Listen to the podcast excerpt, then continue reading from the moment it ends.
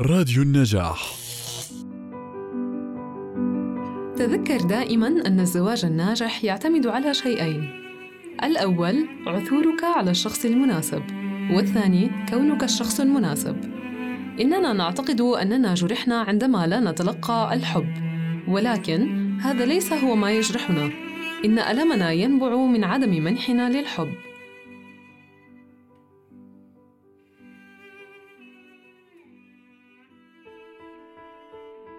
إننا نؤدي بأفضل صورة ممكنة عندما نمنح الحب. لقد جعلنا العالم كله من حولنا نعتقد أن سعادتنا تعتمد على حب الآخرين لنا ولكن هذا النوع من التفكير المقلوب هو الذي سبب لنا العديد من مشكلاتنا. والحقيقة هي أن سعادتنا تعتمد على منح الحب وليس على تلقيه. فليس المهم هو ما نتلقاه ولكن المهم هو ما نعطيه. ألان كوهن ادخر أمسية واحدة كل أسبوع تقضيها مع زوجتك فحسب. لكي تحافظ على توهج اللهب. هناك قاعدة بسيطة. اجعل قطع الخشب معا. قريبة بما يكفي لتظل دافئة وبعيدة. بما يكفي لتنفس الهواء. ونفس القاعدة تنطبق على الزواج الجيد. مارني ريد كرويل. مهما بلغت شدة غضبك من شريك حياتك لا تناما منفصلين أبدا. لا تجعل الشمس تغب وأنت لا تزال غاضبا. مجهول. هدية الحكماء. انتهت دلة من البكاء ثم راحت تستخدم فوطة المسحوق على خديها. وقفت بجوار النافذة وهي تلقي نظرة باهتة خارجها على قط كئيب يسير على سور رمادي كئيب في فناء خلفي كئيب. غدا يوم العيد. وليس معها سوى دولار تريد أن تشتري بها هدية لزوجها جم لقد كانت تدخر كل بنس يمكنها ادخاره على مدار شهور وكان هذا المبلغ هو كل ما استطاعت توفيره. إن دخلا يبلغ عشرين دولارا أسبوعيا لا يتيح مساحة تصرف كبيرة. لقد كانت النفقات أكبر مما افترضته حساباتها وتلك هي حال النفقات دائما. لقد قضت ساعات سعيدة عديدة تخطط فيها لشراء شيء جميل من أجله. شيء رائع ونادر ومتألق. شيء يعبر قليلا عن جدارتها بشرف كونها زوجته. لم تكن أسرة جيمس ديلينغهام يانغز تمتلك سوى شيئين يعتز بهما كلا الزوجين اعتزازا هائلا. أحد هذين الشيئين هو ساعة جم الذهبية التي ورثها عن والده وجده. والشيء الثاني كان هو شعر دلة كان شعرها حريريا طويلا منسدلا تحسدها عليه كل من تراه. وكانت ساعة جم تحفة فنية أصيلة تثير غيرة كل من يراها. ولو كان من أثرى الأثرياء. سقط شعر دلة الجميل بجوارها لامعا متموجا كشلال من الماء بني اللون. وصل شعرها إلى أسفل ركبتيها وبدأ وكأنه ثوب ترتديه. ثم عادت دلة إلى رفعه مرة أخرى بحركة سريعة عصبية ترنحت لبرها ثم وقفت ثابتة بينما أفلتت قطرة دمع أو اثنتين من عينيها وسقطتا على السجادة ارتدت معطفها البني القديم ووضعت قبعتها البنية القديمة واندفعت خارجة من الباب وهبطت السلم متجهة إلى الشارع ولا يزال ذلك البريق يتألق في عينيها. في المكان الذي توقفت فيه كانت هناك لافتة تقول مدام سفروني جميع أنواع مستلزمات الشعر. صعدت دلا بضع درجات على السلم واستجمعت شتات نفسها لاهثة. سألت دلا قائلة هل يمكن أن تشتري شعري؟ قالت المدام هذا ما أفعله. ارفعي قبعتك ودعيني أرى كيف يبدو. انسدل الشلال البني كالموج عندما رفعت دلا قبعتها. قالت المدام وهي ترفع كتل الشعر بيد خبيرة سأدفع عشرين دولار. قالت دلا أعطيني إياها بسرعة. خلال الساعتين التاليتين كانت دلا تنطلق مبتهجة وكأنها تطير بأجنحة كانت تفتش في المتاجر عن هدية مناسبة من أجل جم. وأخيرا وجدت ضلتها كانت تبدو وكأنها صنعت من أجله خصيصا وليس لأحد غيره. لم يكن لها مثيل في أي متجر آخر من المتاجر التي نقبت فيها بكل عناية. كانت سلسلة ساعة بلاتينية بسيطة غير مزخرفة في تصميمها. تعلن عن قيمتها من خلال مادتها وحدها وليس من خلال زخارف خادعة. بالضبط كما يليق بكل الأشياء القيمة. لقد كانت جديرة حقا بالساعة فبمجرد أن رأتها أدركت أنها لابد وأن تكون ملكا لجم. لقد صنعت من أجله. إن صفتي الهدوء والقيمة تصفان كليهما. دفعت فيها 21 دولارا وأسرعت عائدة إلى البيت ومعها 87 سنتا. عندما يرفق جم ساعته بتلك السلسلة سيتلهف دائما على معرفة الوقت في أي مكان يكون فيه. فبرغم روعة وفخامة ساعته كان أحيانا ينظر فيها خلسة بسبب ذلك الشريط الجلدي القديم الذي كان يستخدمه بديلا للسلسلة. وعندما وصلت دلة إلى البيت تراجعت سكرتها قليلا لتفسح المجال أمام بعض التفكير المتعقل. أخرجت مكواة الشعر وأشعلت مصباحا وراحت تحاول إصلاح الأضرار التي ألحقها بشعرها كرمها المضاف إلى حبها. ودائما يا أصدقائي ما يكون ذلك عملا هائلا عملا مهيبا في الواقع. في غضون أربعين دقيقة أصبح رأسها مغطى بلفائف شعر صغيرة متقاربة جعلتها تبدو أشبه تماما بطالب هاربا من مدرسته. ألقت نظرة طويلة فاحصة ناقدة على صورتها في المرآة.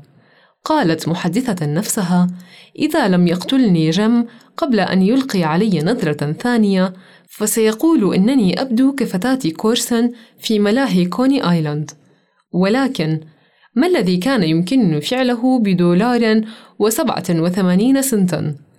في السابعة مساء كانت القهوة معدة والمقلاة موضوعة على الموقد ساخنة وجاهزة لإعداد شرائح اللحم لم يكن جم يتأخر مطلقا. طوت دلا سلسلة الساعة في يدها وجلست على ركن المائدة القريب من الباب الذي يدخل منه دائما. وما هي إلا لحظات حتى سمعت صوت خطواته على السلم في الدور السفلي وشحب وجهها للحظة. كانت معتادة على تلاوة بعض الأدعية الصامتة القصيرة عند القيام بأبسط الأمور اليومية. وها هي الآن تدعو هامسة. يا إلهي اجعلني جميلة في عينيه فتح الباب ودلف منه جم وأغلقه وراءه. بدا واهنا والجدية ترتسم على ملامحه. يا للفتى المسكين لقد كان في الثانية والعشرين من عمره وأصغر من أن يحمل أعباء أسرة. كان بحاجة إلى معطف جديد وقفازين. وقف جم أمام الباب ساكنا ككلب صيد اشتم رائحة فريسة قريبة. كانت عيناه مثبتتان على دلة وكانتا ترسمان تعبيرا لم تستطع هي فهمه. وأفزعها هذا التعبير لم يكن الغضب ولا الدهشة ولا الاستهجان ولا الفزع ولا أي من هذه المشاعر. لقد حدق فيها بثبات وذلك التعبير الغريب مرتسم على وجهه. أفاق جم من حالة الغشية التي انتابته بسرعة. عانق زوجته الحبيبة دلة وبعد ذلك أخرج جم صرة من جيب معطفه وألقى بها على المائدة. قال لها لا تسيئي فهمي يا دلة إن شيئا مثل قصة الشعر أو نوع الشامبو لن ينتقص أبدا من حبي لفتاتي ولكن إذا فتحت تلك الرزمة فلعلك تدركين لماذا تسمرت لبرها عندما رأيتك. مزقت أصابع دلة الرقيقة الشاحبة شريط الربط وورق التغليف. وعندها انطلقت صرخة سعادة ذاهلة. ثم بكل حسرة حدث تحول أنثوي سريع إلى البكاء الهستيري وصرخات العويل والأسى. مما اقتضى من الزوج المحب استخدام كل قدرات المواساة والتعزية التي يمتلكها لتهدئة زوجته. فبداخل الرزمة كانت هناك تلك الأمشاط مجموعة الأمشاط الرائعة التي عشقتها ديلا لوقت طويل. منذ أن رأتها معروضة في إحدى نوافذ متاجر برودواي أمشاط جميلة من صدف السلاحف ذات إطارات مرصعة بالجواهر. إنها بالضبط ما يستحق أن يزين الشعر الجميل الذي أمس الآن غائبا. كانت ديلا تعرف أنها أمشاط باهظة الثمن وكان قلبها يتوق إليها بلا أمل في امتلاكها. وها هي الآن أصبحت ملكا لها. ولكن الضفائر التي كان ينبغي أن تزينها أمشاط الزينة الغالية لم يعد لها وجود ولكن دلا ضمتها إلى صدرها. وأخيرا تمكنت من رفع عينين غائمتين إلى جم وابتسمت وقالت إن شعري ينمو بسرعة كبيرة يا جم. ثم قفزت دلا واقفة كقطة صغيرة رشيقة وهي تصيح أوه أوه تذكرت دلا أن جم لم يرى هديته الجميلة بعد وحينها رفعت راحتها المفتوحة بحماس أمام عينيه. بدا وكأن المعدن الباهت الثمين يلمع عاكسا لهفتها وحماسها وتألقها. قالت أليست رائعة يا جم؟ لقد فتشت في المدينة كلها حتى عثرت عليها. سيكون عليك أن تنظر في ساعتك مئة مرة يوميا منذ الآن. أعطني الساعة. أريد أن أرى كيف ستبدوان معا. وبدلا من أن يستجيب لها سقط جم على الأريكة ووضع يده تحت مؤخرة رأسه وابتسم. قال لها دلا دعينا نحتفظ بهديتي العيد لبعض الوقت. إنهما أجمل من أن نستخدمهما في الوقت الحالي. لقد بعت ساعتي لأحصل على المال الذي اشتريت به الأمشاط. والآن افترضت أنك وضعت شرائح اللحم على النار. كما يعرف البعض فإن بعض الحكماء هم من ابتكروا تقليد منح هدايا الأعياد ولأنهم حكماء فلا شك أن هداياهم كانت تدل على الحكمة حيث كانت تتمتع بميزة إمكانية مبادلتها في حال تكررت الهدايا. وهنا سقت لكم على نحو باهت حكاية زوجين شابين أحمقين ضحيا بكل سفاهة بأغلى كنزين يملكاهما من أجل أحدهما الآخر. ولكن في كلمة أخيرة لحكماء هذه الأيام دعوني أقل أنه من بين كل من أعطى الهدايا كان هذان الاثنان هما الأكثر حكمة بين كل من يعطي ويتلقى الهدايا. أمثالهما هم الأكثر حكمة إنهم الأكثر حكمة في كل مكان إنهم الحكماء حقا. أو هنري.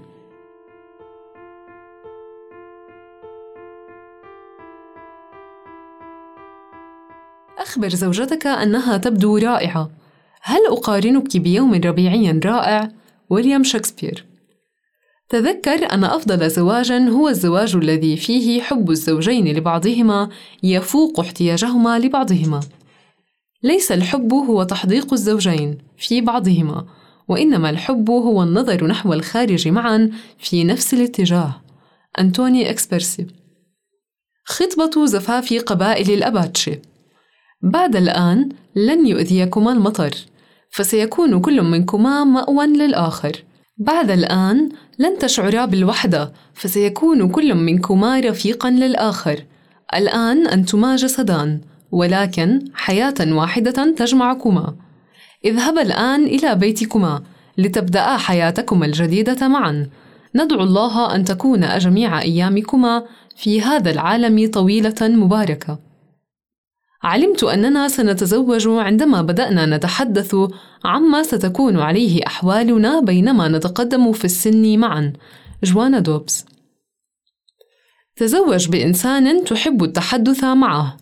فعندما يتقدم بكما السن ستكون مهاراته الحوارية بقدر أهمية أي مهارات أخرى. زواج العقول أعظم من زواج الأجساد.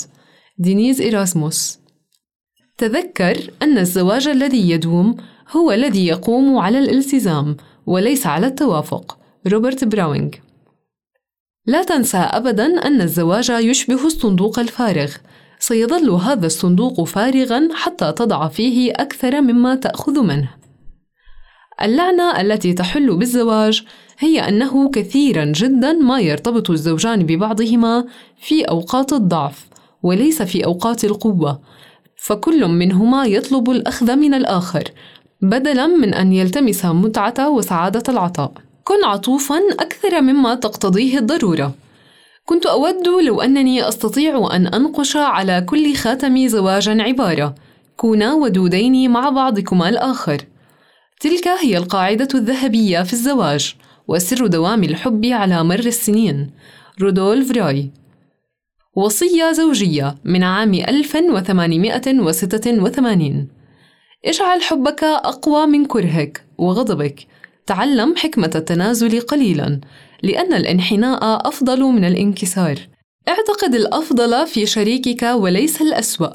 فالناس يرتقون لأعلى أو ينحدرون لأسفل حسب رأيك فيهم. تذكر أن الصداقة الحقيقية هي أساس أي علاقة دائمة.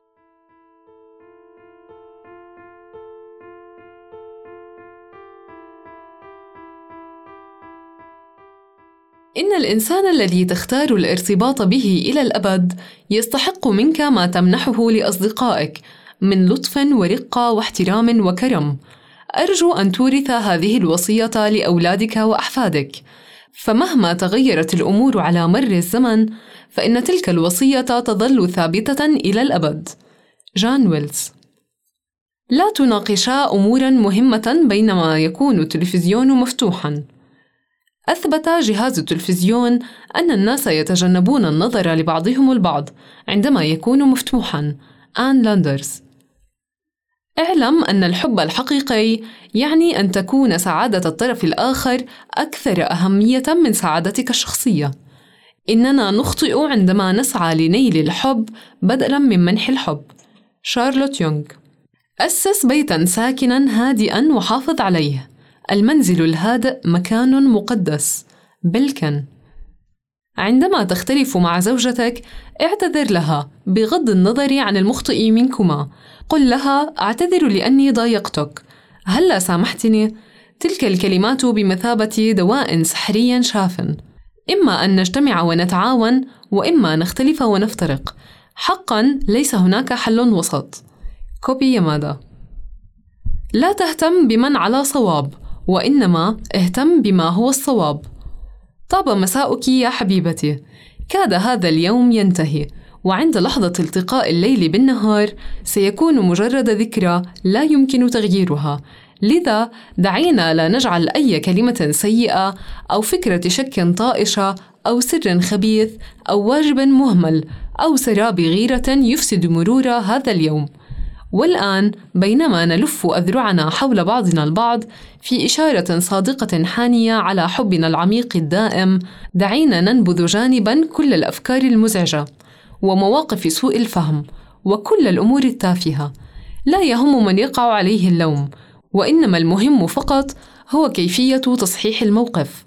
وهكذا عن طريق أن نخدم بعضنا البعض، ونحب بعضنا البعض، ونحافظ على بعضنا البعض سنصنع بيتا سعيدا هادئا. لا يمر فيه الخريف على قلوبنا. ونتعلم فيه نحن وأبناؤنا كيف نعيش الحياة ببهجة وسعادة وشجاعة وانتصار وقرب من بعضنا البعض بالقدر الذي ينعم الله به علينا. طاب مساؤك يا حبيبتي. اف الكسندر ماغون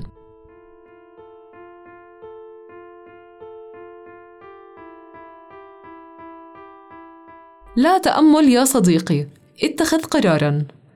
بينما كنت أنتظر لالتقاط أحد الأصدقاء من المطار في بورتلاند أوريغون مررت بإحدى تلك التجارب التي تغير الحياة والتي تسمع الناس يتحدثون عنها كثيرا. ذلك النوع من التجارب الذي يتسلل إليك على غير توقع. وقع الحدث على بعد قدمين فحسب من مكاني. بينما كنت أحاول جاهدا تحديد موقع صديقي بين المسافرين الذين يخرجون من الممر. رأيت رجلا يتجه نحوي حاملا حقيبتين خفيفتين. توقف الرجل إلى جواري تماما ليسلم على عائلته. أشار أولا نحو أصغر ابنيه ربما كان في السادسة من عمره.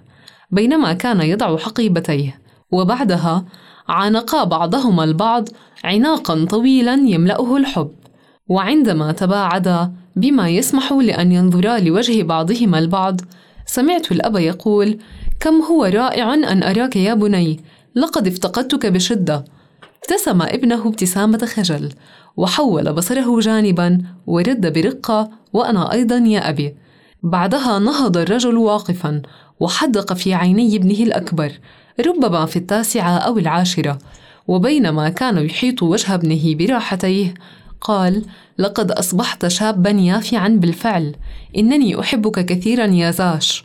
وتعانقا عناقا دافئا رقيقا مفعما بالحب. وبينما كان يحدث هذا كانت طفلة رضيعة عمرها سنة أو سنة ونصف تقريبا. تتلوى شاعرة بالإثارة بين ذراعي أمها دون أن ترفع بصرها ولو لثانية واحدة عن المشهد الرائع لعودة والدها. عندئذ التفت إليها الرجل قائلا مرحبا يا صغيرتي. وهو يلتقطها برفق من والدتها وسرعان ما غمر وجهها بالقبلات وقربها من صدره وهو يهزها من جانب إلى آخر. وعلى الفور سكنت الصغيرة وألقت رأسها على كتفه بسكون واطمئنان خالصين. وبعد لحظات طويلة أعطى الطفلة الرضيعة لأكبر أبنائه قائلا لقد ادخرت الأفضل للنهاية وتقدم نحو زوجته ليقبلها أطول القبلات التي رأيتها في حياته وأكثرها حبا وعاطفة. وبعدها حدق في عينيها عدة لحظات ثم قال لها في هدوء وتأثر كم أحبك. حدقا في عيني بعضهما البعض وهما يبتسمان ابتسامات مشرقة بينما كانت أيديهما متشابكة حينها تذكرت للحظة الأزواج الجدد ولكنني كنت أعرف من أعمار أولادهما أنه من غير المحتمل أن يكونا زوجين جديدين. تعجبت من الأمر للحظة ثم أدركت أنني استغرقت بكل كياني في مشاهدة هذا العرض الرائع لمشاعر الحب غير المشروط الذي وقع إلى جواري مباشرة. وفجأة شعرت بعدم الارتياح وكأنني كنت أقتحم شيئا مقدسا ولكن ما أدهشني حقا هو أنني سمعت نفسي أسأل مندفعا بشيء من العصبية منذ متى وأنتما متزوجان؟ أجاب الرجل دون أن يرفع بصره عن وجه زوجته الحبيبة نحن معا منذ أربعة عشر عاما إجمالا منها اثنا عشر عاما كزوجين سألت مرة أخرى حسنا إذا منذ متى وأنت غائب؟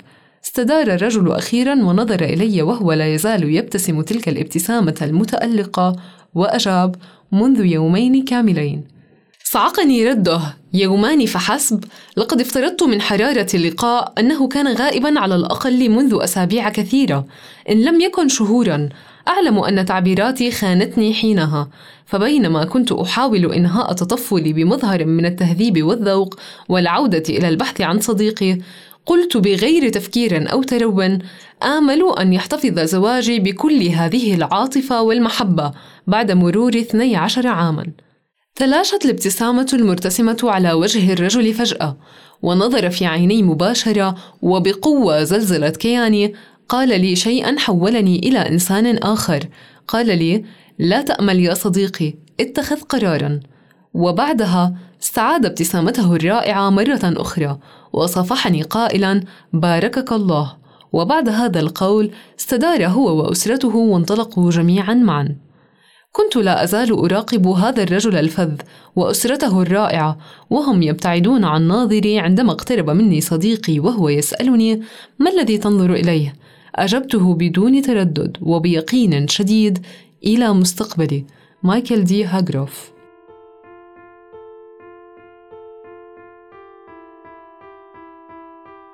عندما تدرك أنك ارتكبت خطأ اتخذ خطوات فورية لتصحيحه. إذا سمح شخصان بحبان بعضهما البعض بأن تفرق بينهما لحظة واحدة فستصبح تلك اللحظة شهرا أو عاما أو قرنا من الزمان وحينها يكون الأوان قد فات. جين جودوكس. عند الاختلاف مع زوجتك تعامل مع الموقف الحالي فقط. لا تنبش في الماضي. لن يؤذيك التعرض للظلم إلا إذا أبيت أن تنساه. كونفوشيوس. لا تستخدم الكلمات بإهمال فبمجرد أن تخرج الكلمة لا يمكنك استعادتها.